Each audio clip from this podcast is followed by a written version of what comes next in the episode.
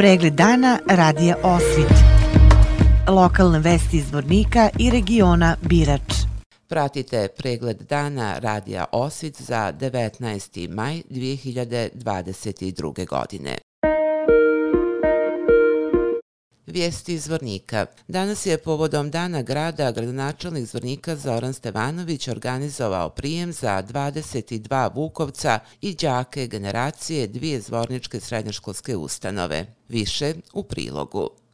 Gradonačelnik Zvornika Zoran Stevanović je i ovoj generaciji Vukovaca poručio da gdje god ih život i posao sutra odnese, da nikada ne zaborave ko su i odakle su. To su djeca koja će već na jesen se razmiliti širom regiona sa željom da, da svoje znanje šire, da se usavršavaju, da jedan dan budu spremni i sposobni da se uhvate u koštac sa, sa svim problemima koje, koje jedan život u vremenu današnjem može da donese. Po starom dobrom običaju grad Zvornik za sve svoje Vukovce obezbijedi stipendiju za prvu godinu studija, a kasnije oni, oni to pravo steknu ostvarivanjem uspjeha u toku, u toku samog studiranja. Đaka generacije u srednjoškolskom centru Petar Kočić, Anđela Mitrović je naglasila. Svakako da gimnazija zahtjeva veliki rad i trud, ali iz mog iskustva mogu da vam kažem da uz dobru organizaciju je sve moguće. Postići prije svega školske obaveze, zatim putovanje sa porodicom, izlaz sa prijateljima, slobodno vrijeme samo za vas. Moji planovi su jeste da upišem Fakultet tehničkih nauka u Novom Sadu, smjer softversko inženjerstvo.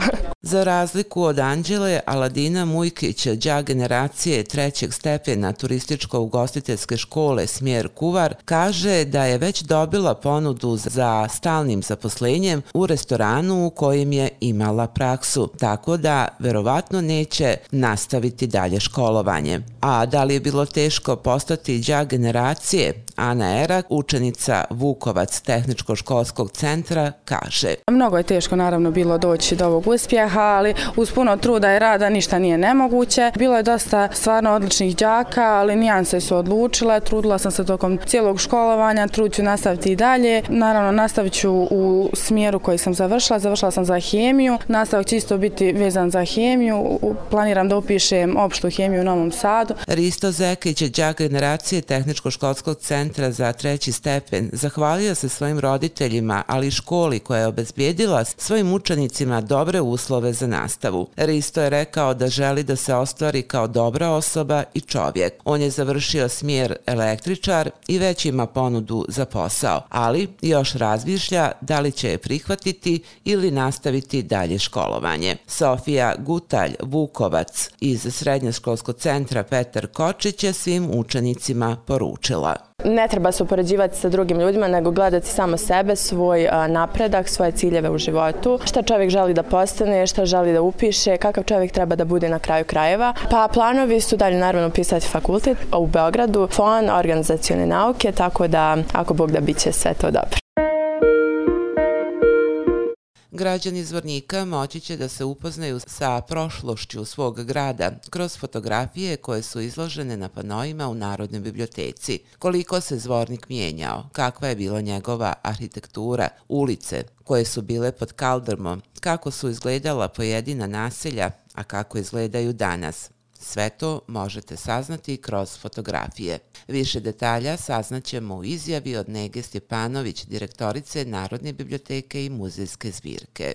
Svake godine Narodna biblioteka i muzejska zbirka u Zvorniku se pridružuje obilježavanju dana grada. Ovaj put smo to e, uradili kroz realizaciju izložbe Zvornik kroz objektiv. Uzeli smo period od Austro-Ugrskog pa do današnjeg dana, odnosno ovog perioda, najnovijeg. Mislim da će našim sugrađanima, posebno učenicima osnovnih i srednjih škola, biti ova izložba jako zanimljiva, pogotovo kada se uzme u obzir kako je Zvornik izgledao prije stoje više godina i kako izgleda danas. Određeni objekti, određene ulice, da li više postoje nazivi ulica, objekata i tako dalje. Kada se, kažem, bude pravila ta komparacija, mislim da će biti jako zanimljivo. S druge strane, kažem, to ima i neku ne samo kratkotrajnu vrijednost i nije samo izložba povodom dana grada, to je nešto što će ostati dio našeg zavičajnog fonda i izložba koja će se ponuditi i drugim eventualno zainteresovanim gradovima u našem matičnom, odnosno opštinama u našem matičnom području, regije Podrinje i Birač, gdje ćemo prikazati i arhitekturu i razvoj grada Zvornika kroz, kroz ove fotografije. Zvornik je danas bio u znaku sporta i mladosti. Nakon dvije godine pauze zbog pandemije virusa korona, organizovana je šesta gradska trka u kojoj je učestvovalo oko hiljadu mladih od predškolaca do srednjoškolaca. Prema riječima Slavice Mandić, sekretara u atletskom klubu Zvornik, organizatora trke, ona se uvijek organizuje kada naš grad slavi svoj rođendan. Gradska trka je možda jedna od najmasovnijih manifestacija koja pruža mogućnost svim sportistima da pokažu svoje kvalitete, kaže Mandićeva. Ovakva manifestacija je prema njenom mišljenju Festival sporta i mladih. Drago nam je da ponovo u glavnoj gradskoj ulici vidimo mladost koja kroz sport promoviše zdrav život sebe i naš grad, dodaje Mandićeva. Učenicima svih zvorničkih škola koji su željeli da trče preškolcima iz vrtića Naša radost i Neven, ove godine su se pridružili učenici škole iz Osmaka, kao i atletičari iz Vlasenice i Bijeljine.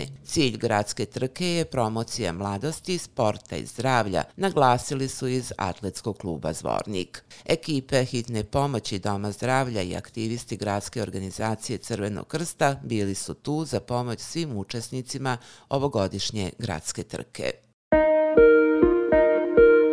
Kulturno-umjetničko društvo Sveti Sava koncertom Zvornik Moj grad sinoć je čestitao 612. rođendan svom gradu. Detalje ćemo čuti u izjavi od predsjednika ovog društva Dragana Golića. Prije svega želim da čestitam svim građanima Zvornika Dan grada i nama je posebna draž igrati za, za tu manifestaciju koja se provodi u okviru obilježavanja dana grada i dobro je da, da su učesnici većinom ti neki stvarajovci koji rade sa djecom i što je svakako za pohvalu i mislim da je ovo treba da bude svakako predstava sve djece u zvorniku sluči se kog go bavi. To vidim da ima i sportski dan, atletika da ima horovi, da ima pozorišne predstave i mi smo svakako, mi svake godine učestvujemo u obilježavanju dana grada. Večeras će nam se predstaviti tri naše grupe. Biće malo nešto raz, drugačiji program nego što je bio na godišnjem koncertu.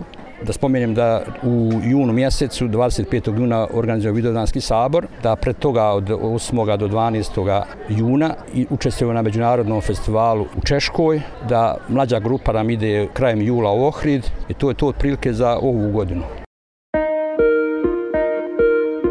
Narodna biblioteka Srebrenica povodom manifestacije Dani Srebrenice raspisala je likovni i literarni konkurs na temu Srebrenica i ja. Konkurs je otvoren za sve učenike od 5. do 9. razreda sa područja ove opštine do 31. maja. Dodjela nagrada predviđena je 6. juna u prostorijama biblioteke, a za prva tri mjesta predviđene su novčane nagrade.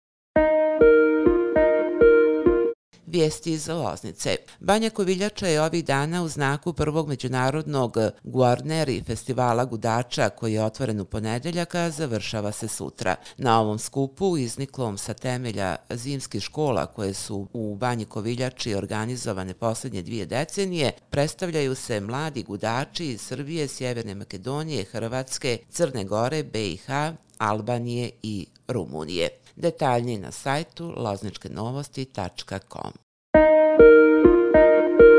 Pregled dana radija Osvit. Lokalne vesti iz Vornika i regiona Birač.